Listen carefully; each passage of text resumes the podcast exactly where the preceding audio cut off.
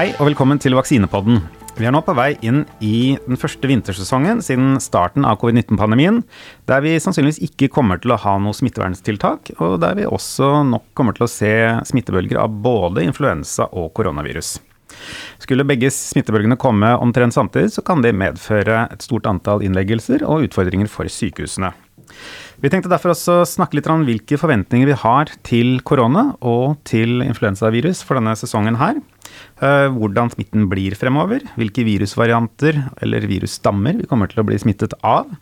Og hvem som bør være, eller passe på å vaksinere seg for å være best mulig beskyttet før sesongen.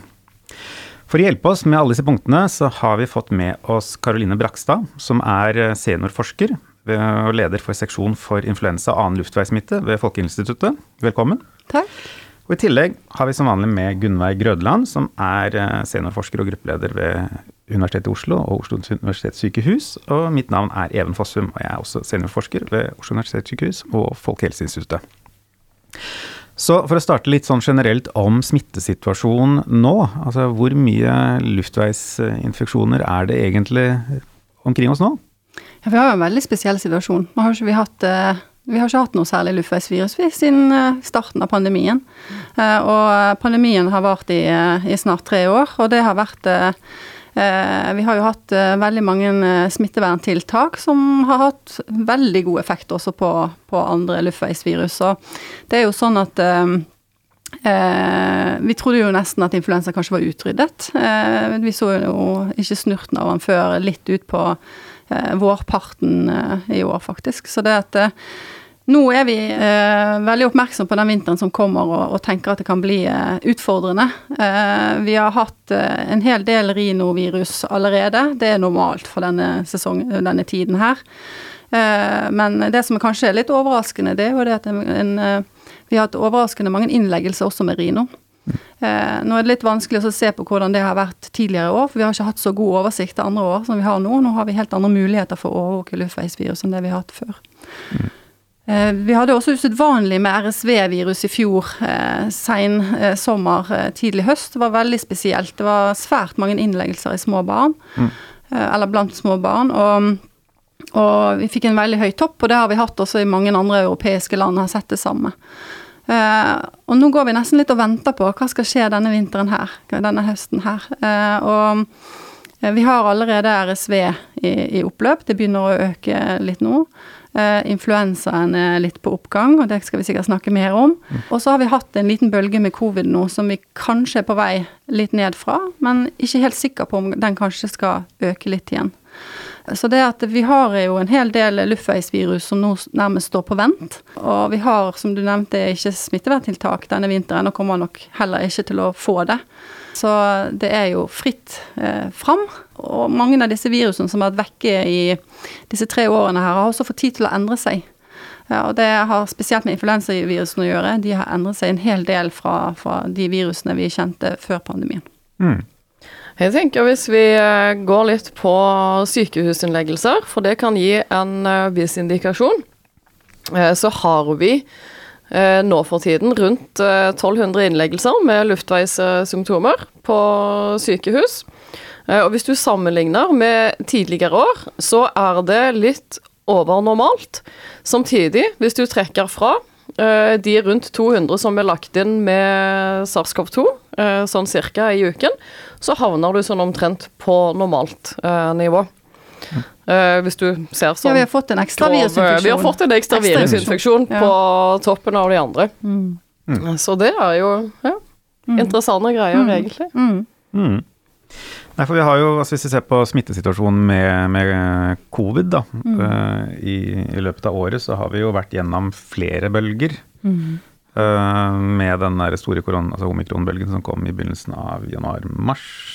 Og så da en ny sånn smittebølge med, um, med, da BA, med nye omikronvarianter som dukket opp i sommer. Men der også har det vært en, en, gradvis økning nå, har det ikke det? Altså vi, vi starta vel i oktober, var det det? Vi Nei, det var mange land i, eh, i Europa som startet, eller som fikk en en eh, ny eh, smittetopp. Eh, vi sier topp, men den var jo ikke så stor som, som gjerne de, de, andre toppene vi har hatt i, i, år. Men en liten bølge og en oppgang i smitte har flere europeiske land hatt litt før oss, faktisk. Mm. Vi var litt sein. Eh, så det var først nå ut i november at eh, vi så at, eh, at vi også var i en, i en, i en liten bølge. Mm. Mm. Har dere noen forventninger egentlig hvordan altså, du, nevnte at vi kunne se ut som at vi er At vi nærmer oss toppen, kanskje. Mm. Eh, men hvordan ser vi egentlig for oss at den smitten nå mm, utvikler seg fremover med, med korona? Mm. Det er litt vanskelig å si, fordi at um, det er så mange si, ukjente faktorer nå. Vi vet jo det at de andre uh, luftveisvirusene er litt på gang nå. De er på vei til å, til å øke, og det er jo noe som heter uh, viral interferens. Det vil si at gjerne hvis du har vært smittet med ett luftveisvirus, så har du noe som heter interferoner, som, som gir en ganske sånn generell beskyttelse også mot annen infeksjon. Og det kan gjøre at, at, hvis man først har blitt smittet med ett virus, så er det ikke så sikkert at man kan bli smittet med det andre før det går mye lengre tid. Sånn at disse virusene på en måte holder hverandre litt tilbake. Og vi vet ikke helt hvor sterk den interferensen er, og om, om det er SARS-CoV-2-viruset, altså koronaviruset, som kommer til å holde de andre luftveisvirusene litt nede. Eller om influensaen kommer til å øke så hurtig nå at den kommer til å holde coviden litt nede. Mm. Men så har vi også det med at Eh, SARS-viruset, altså koronaviruset, det, det, har endret seg. Og det endrer seg jo hele tiden, og det gjør det jo når det er i en pandemi. Men situasjonen nå i forhold til hvordan den har vært tidligere i pandemien, det er jo det at vi har hatt mye større, mye større variasjon blant virusene. Så det er ikke de samme virusene som, som sirkulerer rundt i forskjellige land. Uh, og så på en måte repertoaret av koronavirus eh, med litt forskjellige egenskaper er mye, mye større nå enn det har vært før. Så det er mye, større, det er mye mer diverst. Og, og, det vi ser er jo at vi har virus som Altså koronavirusvarianter som er veldig lik BA5-viruset, det som ga vår smittebølge i, i, sommer, som ikke var helt ubetydelig. Det var en ganske mm. eh, stor smittebølge med mange innleggelser. Um, så er det altså under, flere undervarianter av denne som, som, nå er på vei til å, til å, øke litt. Og det kan, hvis koronaviruset får et fritt spillerom nå, så kan det bety at vi, vi er i en liten mellomfase nå med at de, de gamle koronavirusene ikke klarer å gi så mye mer smitte. Men så kommer det andre virus opp fra sidelinjen, kan man si, da, som har litt større smittsomhet ved seg, litt større potensial til å kunne smitte, fordi at den immuniteten vi har fra før, ikke beskytter så godt mot, eh, mot, de virusene. Og Det kan bety at vi kan få en liten smitteøkning igjen. Hvor stor den blir, det vet vi ikke. Men mm. eh, vi er rimelig sikre på at de ikke gir noe mer alvorlig sykdom i seg sjøl, selv, selve virusvariantene. Men at de, de, kan smitte også personer som har blitt smitta før, i litt større grad enn, enn de variantene vi har nå. Mm. En av de tingene som er litt interessant, du sier det er store forskjeller mellom ulike land, men det er jo òg et enormt hav av varianter av SARS-CoV-2 bare i Norge. Mm. Eh, sånn at eh, SARS-CoV-2 er ikke bare SARS-CoV-2, heller i Norge. Det er en av de tingene jeg syns er veldig fascinerende med å se på variantene nå. Mm. Eh, og det, ja, Kanskje det kommer et eller annet som plutselig dominerer en gang i framtiden, eller kanskje vi kommer til å fortsette med Jeg tror vi er ganske nær framtid nå, ja. at, eh, at, eh, vi har, eh, har, virus nå som ser ut til å, å, å dominere. Og, og, det er en undervariant av det vi har hatt før. Men den har såpass endrede egenskaper at, at den kan smitte litt mer enn en de virusene vi har nå. Og det mm. kan bety, hvis ikke influensa eller et av de andre virusene setter en stopper for det, mm. at, at, at, det kan øke noe igjen. Mm. Nei, ikke sant. For det, ja, nå har vi vært inne på det litt, men altså, hva er det som egentlig Hva er det som får den immuniteten til å plutselig bli så dårlig? Eller hvorfor, mm. fungerer den ikke lenger? Altså, nå er De fleste jo, er jo da vaksinert nå gjerne med flere doser og, og smittet. Mm. Men allikevel, og, og, har jo egentlig gode antistoffresponser. Mm. Men uh, så ser man da at det, det, det kommer en ny variant som, som, som allikevel gir, gir, økt smitte. Mm. Men da er det veldig viktig å ikke kalle alt for Eller alt er jo immunitet. Det er ikke immuniteten som nødvendigvis forsvinner, men skillet mellom hvilken type immunitet som faktisk er den som reduseres. Uh, og det er jo typisk beskyttelsen mot å bli smitta og mild sykdom. Det er jo den første som forsvinner når det kommer en ny variant. Mm. Uh, og det er jo typisk uh, nøytraliserende antistoffer som binder overflaten på viruset. og hindrer det fra å trenge inn i cellene våre. Og med en gang du får endringer på den overflaten, vel, så reduseres effekten av disse nøytraliserende antistoffene. Det er jo akkurat som forventet, og som man har sett for influensa òg eh, i årevis, og flere andre virus som er RNA-virus. Men immuniteten er jo ikke bare det. Og det er derfor vi fortsatt har supergod beskyttelse mot alvorlig sykdom. For vi har mange andre lag under av andre antistoffer og T-celleresponser, ikke minst, som kan respondere bredt på mange forskjellige varianter. Så immunitet har vi fortsatt, selv om man ikke tar noe smitte og mild sykdom. Mm. Det er noe enda betryggende, at, vi, at den beskyttelsen mot, uh, mot alvorlig sykdom holder seg. Ja, og heldigvis er det ingen eh, Jeg syns egentlig det er grunn til å understreke, for det er egentlig ganske fantastisk. Altså, du har faktisk vaksiner som er basert på det første greien som kom i Wuhan, selv om det er noen oppdaterte som òg nå har andre ting. Men den faktisk ganske brede responsen som de klarte å danne med antistoffer og T-celler, den er fortsatt supergod mot alvorlig sykdom. Jeg syns faktisk det er, det er eh, ganske utrolig. Ja. Ja. Det har jo vært foreslått at, eh, at det må få en nobelpris. og det tenker jeg jo at eh, den, den effekten som de mRNA-vaksinene har hatt, jo, har jo vært helt uh, hinsides all forventning, rett og slett. Mm. Men det er jo ikke bare det at um, at, eh, at, folk er, er godt beskyttet pga. vaksinen. Altså man må tenke på det at størstedelen av den norske befolkningen har faktisk vært smitta både én og to, kanskje også tre ganger. Eh, og det gir jo en fantastisk immunitet, så, også, så lenge man tåler å, å, å bli syk og, og, få den smitten. Så, um, så, nå når vi går inn mot vinteren, så er jo størstedelen av den norske befolkningen har supergod immunitet mot alvorlig sykdom. Men så er det noen av oss som likevel eh, har eh, økt risiko for, for å bli alvorlig syk. Eh, og det viser seg nå at selv om vi får nye varianter som har endret seg en, en hel del, og kan gjøre at mange av oss som har supergod immunitet, likevel blir smittet på nytt, at de trenger rett og slett en sånn en booster. Altså de trenger litt oppfriskende antistoffer igjen. For det viser seg det at jo tettere, jo ferskere immuniteten din er, jo bedre beskyttet er du uansett hvilken variant som, som, kommer. Så det å ta den fjerde boosteren nå før, eh, før vinteren kommer, for de som trenger det, mm. Eh, det er veldig fornuftig. Ja, men, men, hvem er det som nå egentlig bør vaksinere seg, eller ta en fjerde dose mot korona? Mm. Vi anbefaler jo de over 65 bør ta en, en dose fjerde dose, og alle i risikogruppen over 18 år. Men nå har vi også åpnet opp for at de som ønsker å ta en, en oppfriskningsdose, som er over 18 år, kan også få gjort det. Mm. Eh, så det er et valg man har om man ønsker å ta den vaksinen. Mm. Kanskje vi skal ta oss og bare utbrodere det valget litt, for det har jeg uh, uttalt meg om. Og det har òg FHI.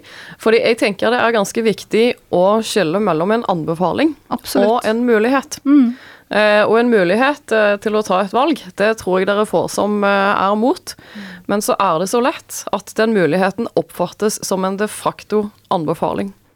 Og jeg har allerede sett kommuner hvor befolkningen nå anbefales generelt en fjerde dose for å beskytte mot smitte og korona. Og det er jo rett og slett bare en feilslutning. En ja. radikal feilslutning. For jeg er veldig klar på at dette her er et tilbud fordi mm. at eh, det er, det er, mange som ønsker å få tatt en fjerde dose. Og da har man tenkt det skal man ikke nekte de. Eh, man gir et tilbud om at nå kan de som ønsker det, få den fjerde dosen. Men det er ikke nødvendigvis en anbefaling. Og grunnen til at det ikke er det, det er jo fordi, sånn som vi har nevnt før, at det er folk flest, friske, raske folk, som har fått ja, to-tre vaksinedoser og er smitta én og to og tre ganger, de har en så god immunitet at de vil ikke ha noen ekstra effekt av den fjerde dosen. Mm. Så dette her er rett og slett et tilbud for de som, eh, som ønsker det, som er redd, eh, eller for de som spesielt anbefaling til de som er i en risikogruppe og kan risikere å bli mer alvorlig syk enn de fleste andre. Og der viser jo dataene krystallklart, hvis du er over 65, så er det en stor forskjell på de som har hatt tre doser versus fire doser når det gjelder sykehusinnleggelser og alvorlig sykdom. Så der er det jo helt opplagt at den fjerde dosen er eh, svært viktig. Mm. Men befolkningen er jo ikke én gruppe, vi er mange forskjellige, og det må man jo huske på. Ikke sant? Jeg tenkte kanskje vi si litt om, om, selve vaksinen som gis nå, for den har jo endret seg litt. Eh, nå gis det altså en, en bivalent vaksine, og hva betyr det?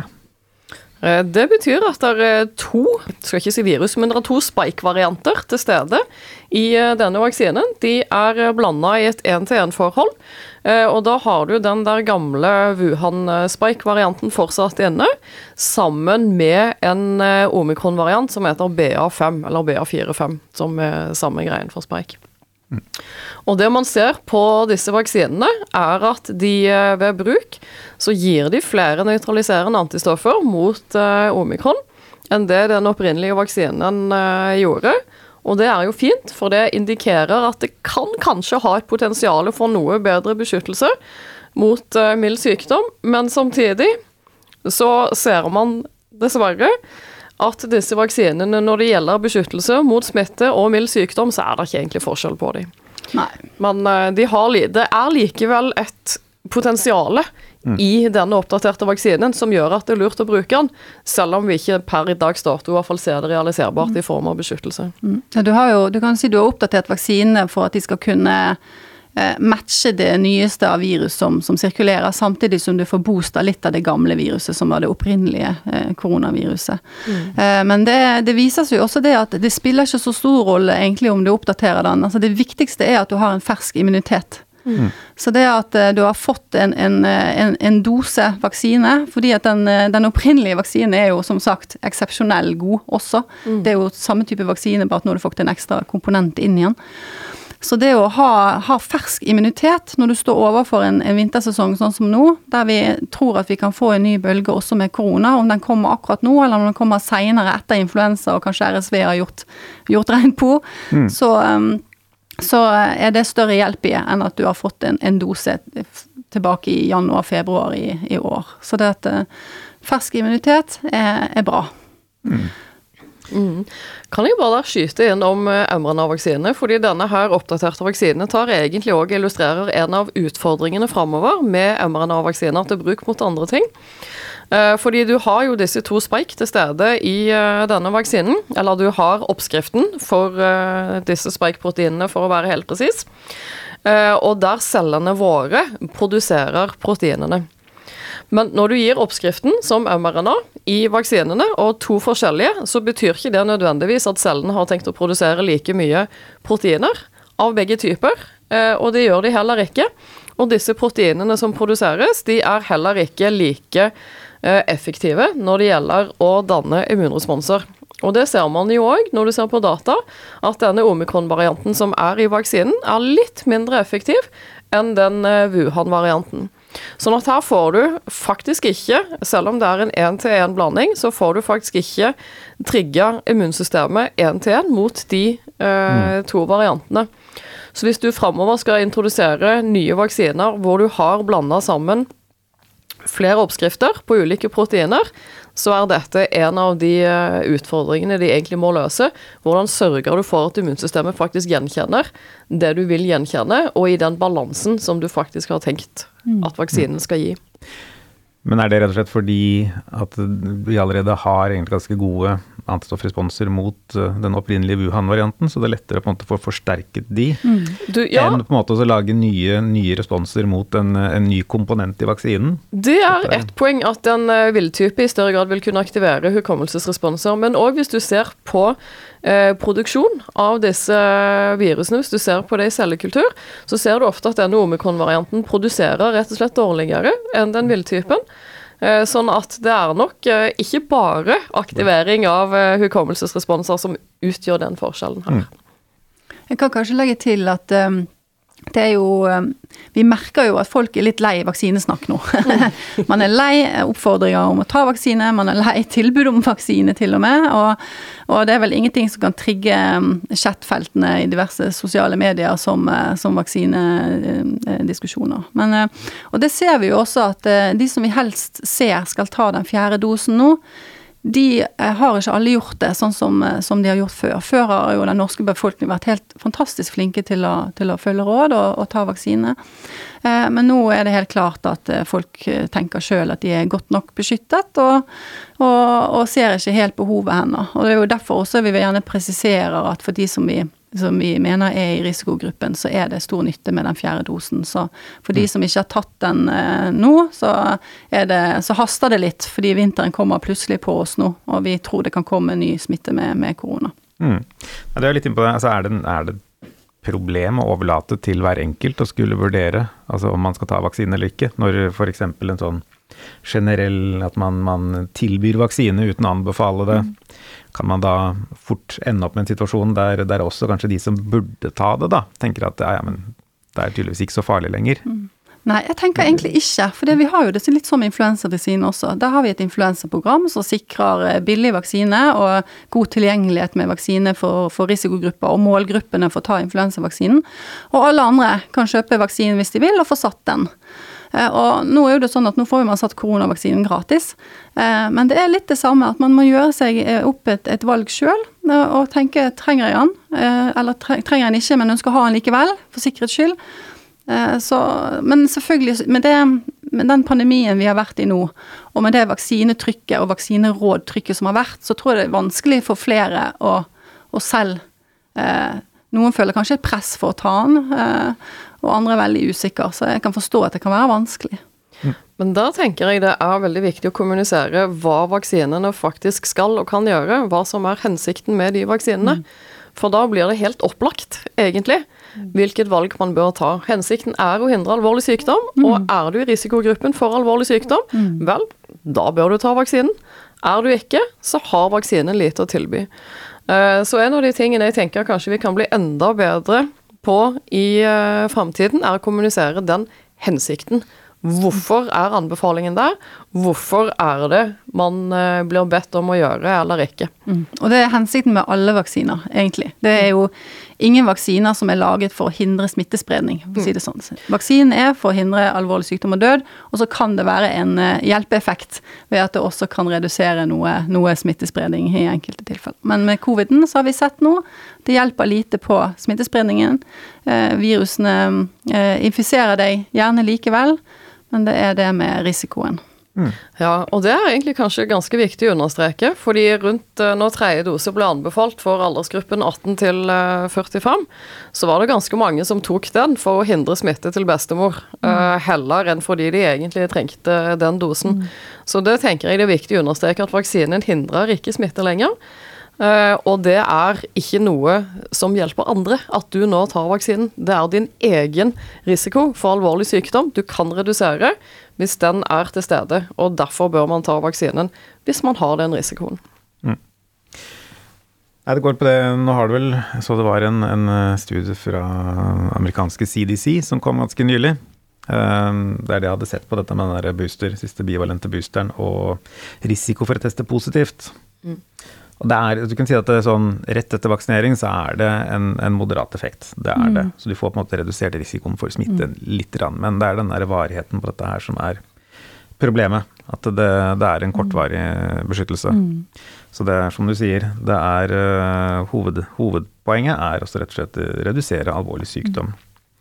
Eh, nå har vi jo, De fleste av oss er jo, har nå immunitet mot eh, covid, som har blitt nevnt. Jeg tror det var eh, siste risikovurderingen fra FHI antydet vel at det var 97% av befolkningen har responser mot covid-19. Så det, det er jo de aller, aller fleste. Er vi da ferdig med pandemien?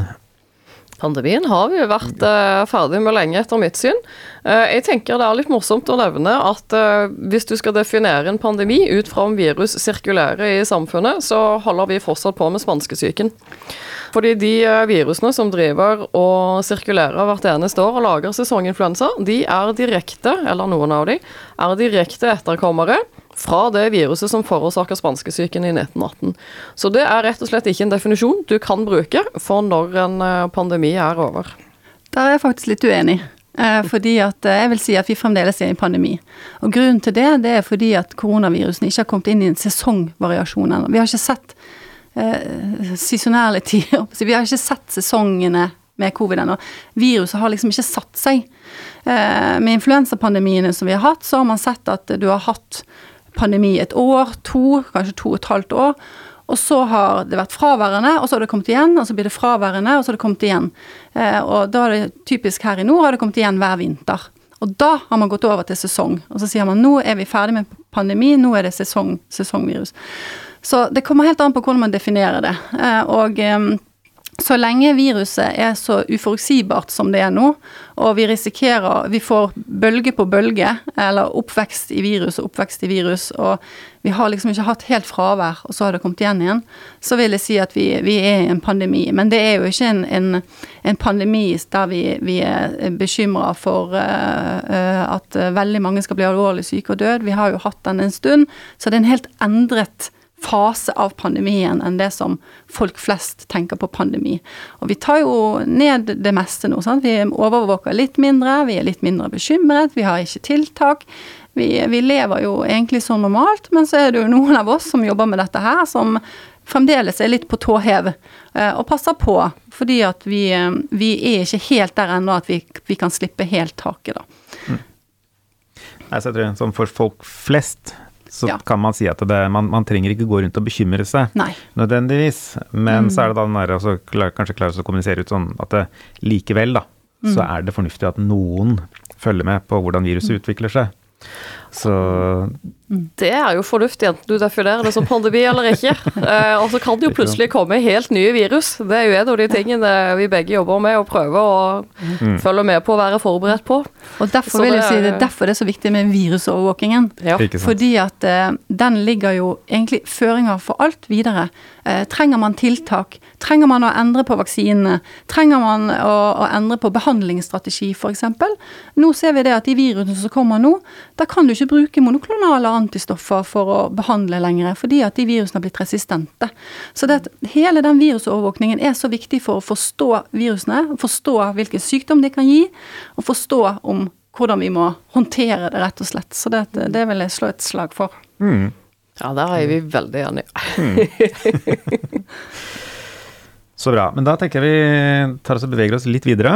Går vi fra korona over mot uh, influensa.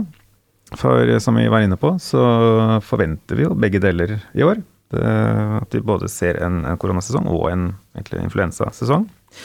Men um, så langt, hvordan er uh, smittesituasjonen for influensa? Den er, ja, den er fremdeles på et, et lavt nivå. Men det som Vi ser jo at den øker ganske hurtig nå. Og vi har, selv om vi er på et lavt nivå, så har det ikke vært såpass høyt eh, helt tilbake til 2015. Så eh, det er helt tydelig at vi er, i en tidlig start, og at vi er i en oppgang. Eh, og at eh, vi med all sannsynlighet får en influensatopp, et, et utbrudd, da, som kommer tidligere enn det vi ellers er vant til. Som ofte så begynner jo da å, å, å, prikke inn med litt influensa der i desember, og så har man først gjerne en topp rundt vinterferietid. Eh, men sånn som tallet ser ut nå, så skal ikke vi se bort ifra at eh, veldig mange av oss kommer til å ligge syke i juletid og nyttårstid, fordi at vi er nærmer oss eller er på en topp rundt, rundt den tiden der. Mm. Eh, og vi har allerede innleggelser med influensa. Det øker også fra uke til uke nå. Eh, og vi ser jo litt hen til andre land også, som er litt før oss i, i, i sesongen. I USA har de eh, mange delstater der veldig mye influensa nå. De har, eh, et, de har ikke hatt så høyt innleggelsestall nå, altså så tidlig i sesongen, siden helt tilbake i pandemien i 2009. Eh, og, og innleggelsesraten er langt høyere enn den er for covid nå. Så dette tyder på at uh, influensaen kommer. Uh, og det har vi også varslet om i, i risikovurderinger og, og, annet. Men det, nå ser det ut som det, det, er hold i det, og at, at det kan bli en, en vinter som Eh, blir litt hardere på influensafronten enn det vi har vært vant til flere andre sesonger. Og i hvert fall gjennom pandemien så har jo det ikke vært noe særlig influensa. Mm. For å trekke en sånn ørliten parallell til uh, SARS-CoV-2, så er jo òg influensa et virus som driver og muterer og endrer seg, faktisk langt mer enn uh, koronaviruset. Uh, og det er òg et av de virusene det er viktig å drive overvåkninger for å prøve å vurdere hvilken eh, variant av viruset som faktisk eh, treffer eh, på et bestemt år. Nå er det jo sånn at vi vet ikke helt ennå hva som faktisk kommer til å dominere sesongen. Men vaksinene settes jo hvert år sammen, basert på overvåkningsdata. Mm. og hvor man prøver å vurdere hva som mest trolig vil være vaksinetyper som kan beskytte. Mm. Eh, men enten de treffer godt eller dårlig, så har jo influensavaksinen den fordelen at den har fire forskjellige typer som er i vaksinen nå, eh, og to av de er fra influensa B. Og influensa B driver ikke og endrer seg like mye som eh, influensa A. Sånn at selv år hvor influensa A bommer en del, så har du likevel en ganske god beskyttelse fra influensavaksinene. Mm. Og det begynner jeg med å understreke, fordi så langt så er det vel tegn som tyder på at den ene av influensa A-variantene, H1-varianten, kanskje ikke treffer helt optimalt med vaksinen dette året. Mm. Jeg tror det er mange som kanskje ikke vet at uh, vi, uh, vi, må vurdere influensavaksiner hvert eneste år. Mm. Og det er veldig ofte at det er forskjellige influensavaksiner fra år til år. Uh, så det er en løpende overvåkning som må gjøres for å rett og slett kunne bestemme vaksinen. Men det som er litt dumt, det er jo at, at denne vaksinen den må bestemmes et halvt år i forveien før den kan bli gitt. Og det er ikke alltid helt vi vet hvilke virus som sirkulerer på høsten, når vi må bestemme hvilke vaksiner vi skal ha allerede i februar eh, før. før. Sånn at um, det er jo en utfordring. Og der kan det jo være at det ikke helt, eh, alltid klaffer helt. Men som du sier, så inneholder influensavaksinen ikke bare beskyttelse mot ett influensavirus, eh, men mot alle de fire. Samtlige som kan smitte mennesker, eh, er i, i den vaksinen. Eh, og det som har vist seg med influensavaksinen, det er jo ofte man snakker om ja, passer, matcher vaksinen, passer han mot det som sirkulerer? Um, og det gjør han ikke alltid. Uh, men det kanskje også mange ikke vet, det er at det er ikke bare ett influensavirus som gir en influensaepidemi eller et influensautbrudd. Eh, det er særlig to forskjellige influensavirus som gir ganske mye smitte hvert, nesten hvert eneste år. Og så ligger de andre virusene og ulmer litt eh, under i bakgrunnen. Så det at eh, som oftest så er alle fire influensavirusene i spill i løpet av en vinter. Og det gjør jo at denne vaksinen her er veldig fordelaktig, fordi den gir beskyttelse mot alle disse her. Og så er jo det sånn at ja, det at han ikke alltid kan beskytte eh, eh, eh best mulig, kan man si. Eh, vi sier jo det at har man tatt influensa, altså generell influensavaksinebeskyttelse, så er jo seks av ti beskyttet mot sykdom, faktisk. Mm. Eh, og det er jo Og i tillegg så er langt flere av de beskyttet mot alvorlig sykdom og, og død. Og det er jo hovedformålet med influensavaksinen er å beskytte mot alvorlig sykdom. og Det er derfor også vi har influ influensavaksinasjonsprogram for risikogruppene. Um, og eh, de årene der vaksinen kanskje ikke helt er en god match, så ser vi rett og slett at, eh, at eh, likevel så er det for de som har risiko for alvorlig sykdom, så er det klart en fordel fordi den reduserer eh, risikoen for å bli innlagt med hele 50 selv med dårlig match. Så det er en mm. god eh, investering å få den eh, influensavaksinen. Mm. Absolutt. Og igjen, hvem er det som bør vaksinere seg mot influensa? Det, det er nesten de samme risikogruppene som med, med, med, korona. Alle over 65 år er anbefalt influensavaksinen. Mm. Også gravide i andre og tredje trimester bør ta vaksinen. Og det som er litt nytt eh, nå, det er jo også at premature barn eh, bør få en, en influensavaksine. Mm. Eh, og det er kanskje det som er viktigst å, å presisere nå denne høsten her det er jo det at eh, vi har veldig mange barn i Norge som også er en risikogruppe. Når vi snakker om risikogrupper, så tenker vi ofte på, på, eldre, skrøpelige mennesker. Men det er veldig mange barn i Norge, faktisk over 80 000 barn i Norge som trenger influensavaksinen. Og veldig mange av de vet ikke. Foreldrene vet det ikke. Legene anbefaler det ikke, fordi de tenker ikke på det. Og grunnen til at vi spesifiserer dette, eller presiserer dette spesielt nå, det er for det, som du sier, det kan se ut som det blir en H1 N1-influensasesong. Det er altså ett av disse fire influensavirusene som kan sirkulere.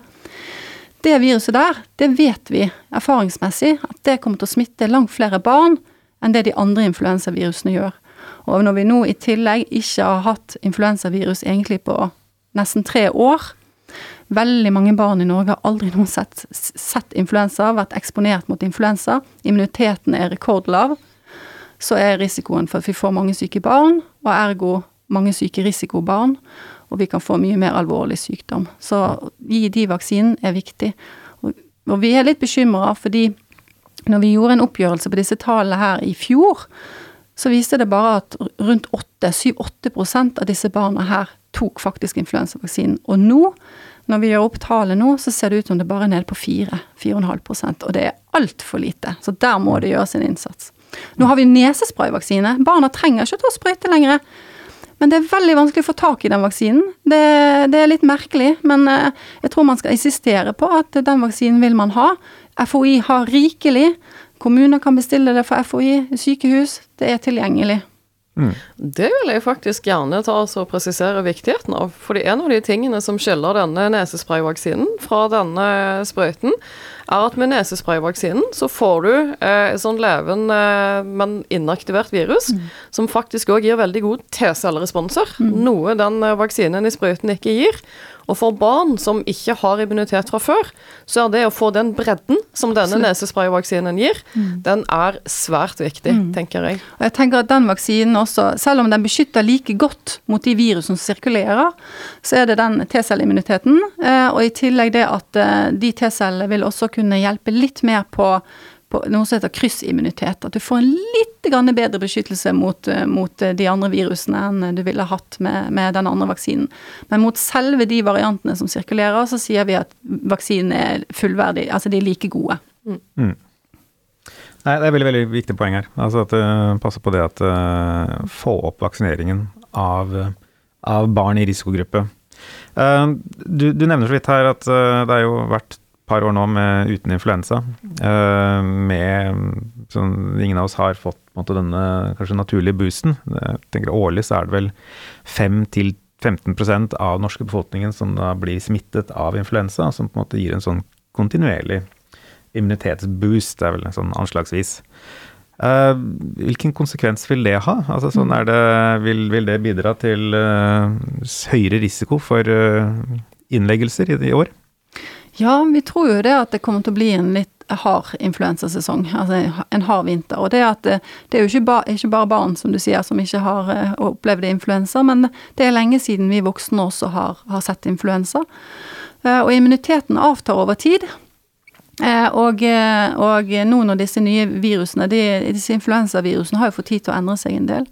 Eh, og dermed immuniteten som vi har hatt fra før, beskytter ikke så godt mot, mot de, disse nye variantene. Jeg tror de aller fleste voksne vil, eh, vil eh, ta influensaen godt likevel. Men sånn når man ser på samfunnet som helhet, så kommer det til å bli mange voksne som blir syke. Og det kommer til å være mye sykefravær. Og, og i og med at så mange altså vi, Når vi tror at det blir mange som blir smitta, så er det naturlig å tro også at mange i risikogruppene vil bli smitta. Og ergo vil det også være en større eh, andel innleggelser. Vi har jo gjennom sånn i snitt så estimerer vi med at i løpet av en vanlig influensasesong, bare på disse få vintermårene, så har vi rundt 5000 innleggelser i Norge. Og vi har vært oppe i langt mer eh, innleggelser pga. influensa. Så det er ikke ubetydelig eh, eh, en ubetydelig belastning på, på helsetjenesten. Altså selv om hvis vi heller ikke skulle få covid eh, nå på vinteren, så tror jeg også den eh, belastningen vil være kanskje med RSV, altså som RS-virus som, som, vi ser også kan komme, eh, og influensaen i seg sjøl. At det blir utfordrende. Og så mm. vet vi ikke helt De tror kanskje ikke de der epidemiene på en måte vil legge seg oppå hverandre helt. altså De vil nok være forskyvet litt fra hverandre. Men det kan jo bety at vi også må stå i det i mye lengre tid enn vi har gjort før. Eh, tidligere så har man hatt eh, noen uker med vekst med influensa, og som har vært på toppen i én til to uker, og så går det raskt ned igjen. Mm. Men nå kan du få tre hjernetopper som strekker, det strekker seg ut i tid, så man må stå i det mye lenger enn det vi kanskje har vært vant til før. Mm. Mm.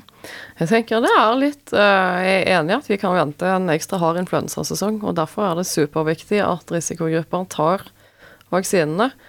Uh, men det er òg, uh, som du sier, altså for de fleste voksne så vil jo ikke den immuniteten vi har fra tidligere eksponeringer, den vil jo ikke forsvinne i løpet av et par år. Så der er snarere den potensielle utfordringen at virusene har endra seg såpass mye at det vi hadde fra før, eller har fra før, er blitt litt mer irrelevant mm. uh, enn det det ellers kunne ha vært. Så ja, Viktig å ta vaksinen hvis man er i risikogruppe for å holde kontroll som vi kan. Mm. Bare sånn uh, det, det, du snakker om, det har jo vært en sånn sirkulert eh, debatt liksom blant uh, kanskje mest fagfolk som går på dette begrepet immunitetsgjeld. Mm. Om det egentlig er en uh, Om det faktisk er noe. Om det er uh, noe som, som skjer. Um, jeg tenker det er jo, Hele konseptet her er jo det at to år uten, uten infeksjonssykdommer har gjort oss mer mottagelig for smittsomme sykdommer. Men så er det viktig å spesisere det som du er inne på, dette her gjelder spesifikk immunitet mot, uh, mot bestemte virus. Enten da fordi at antistoffnivåene har avtatt noe, eller fordi at viruset har endret seg. Immunitetsgjeld-begrepet er ikke, eller det sier ikke at vi, altså immunforsvaret vårt har blitt dårligere pga. at vi ikke har blitt syke i løpet av to år. Det er altså snakk om spesifikk immunitet. Så jeg skal ærlig innrømme at jeg er ikke veldig glad i det immunitetsgjeldbegrepet, fordi at bare avtagende immunitet er dekkende nok, syns jeg. Mm. Ja, det, det er liksom det, men samtidig så kan det gi mening hvis du snakker om det som du gjør på befolkningsnivå. Sant? Uh, men det er på en måte er jeg heller enig med deg òg. Jeg er ikke begeistra for det. Ja, Det kan gi mening på befolkningsnivå, uh, men det er jo ikke sånn at hvert eneste år så smittes 100% av befolkningen. Sånn at uh, det er jo bare en del av befolkningen som smittes hvert år. Og derfor så gir det ingen mening å se på dette begrepet på en gruppe- eller individnivå. Mm. Og hva skjer nå til vinteren, hvis disse luftveisvirusene vi har, har mer tilbøyelighet til å smitte i forskjellige aldersgrupper. Da kan vi kanskje risikere at vi får litt mer altså topper som nærmer seg hverandre. At vi får uh, parallelt løpende epidemier, men i forskjellige uh, aldersgrupper, rett og slett. Men uh, mm. det blir en svært spennende vinter å, å, følge med på. Vi har jo aldri opplevd dette her før. Totalt fravær av infeksjonssykdommer i nesten tre år. Og så er det fritt fram for alt igjen. Mm. Det er jo en, en, thriller uten like som uh, blir veldig, veldig spennende å følge med på. Mm. Kanskje vi skal la det, la det henge på det, sånn avslutte her. Uh, tusen takk til deg, Karoline, for at du tok deg tid til å komme og snakke med oss. Takk for at jeg fikk komme. Tusen takk til eh, Karen Klyve Sunde ved Avdeling for kompetanseutvikling ved Oslo universitetssykehus for teknisk produksjon. Og tusen takk til dere som hørte på.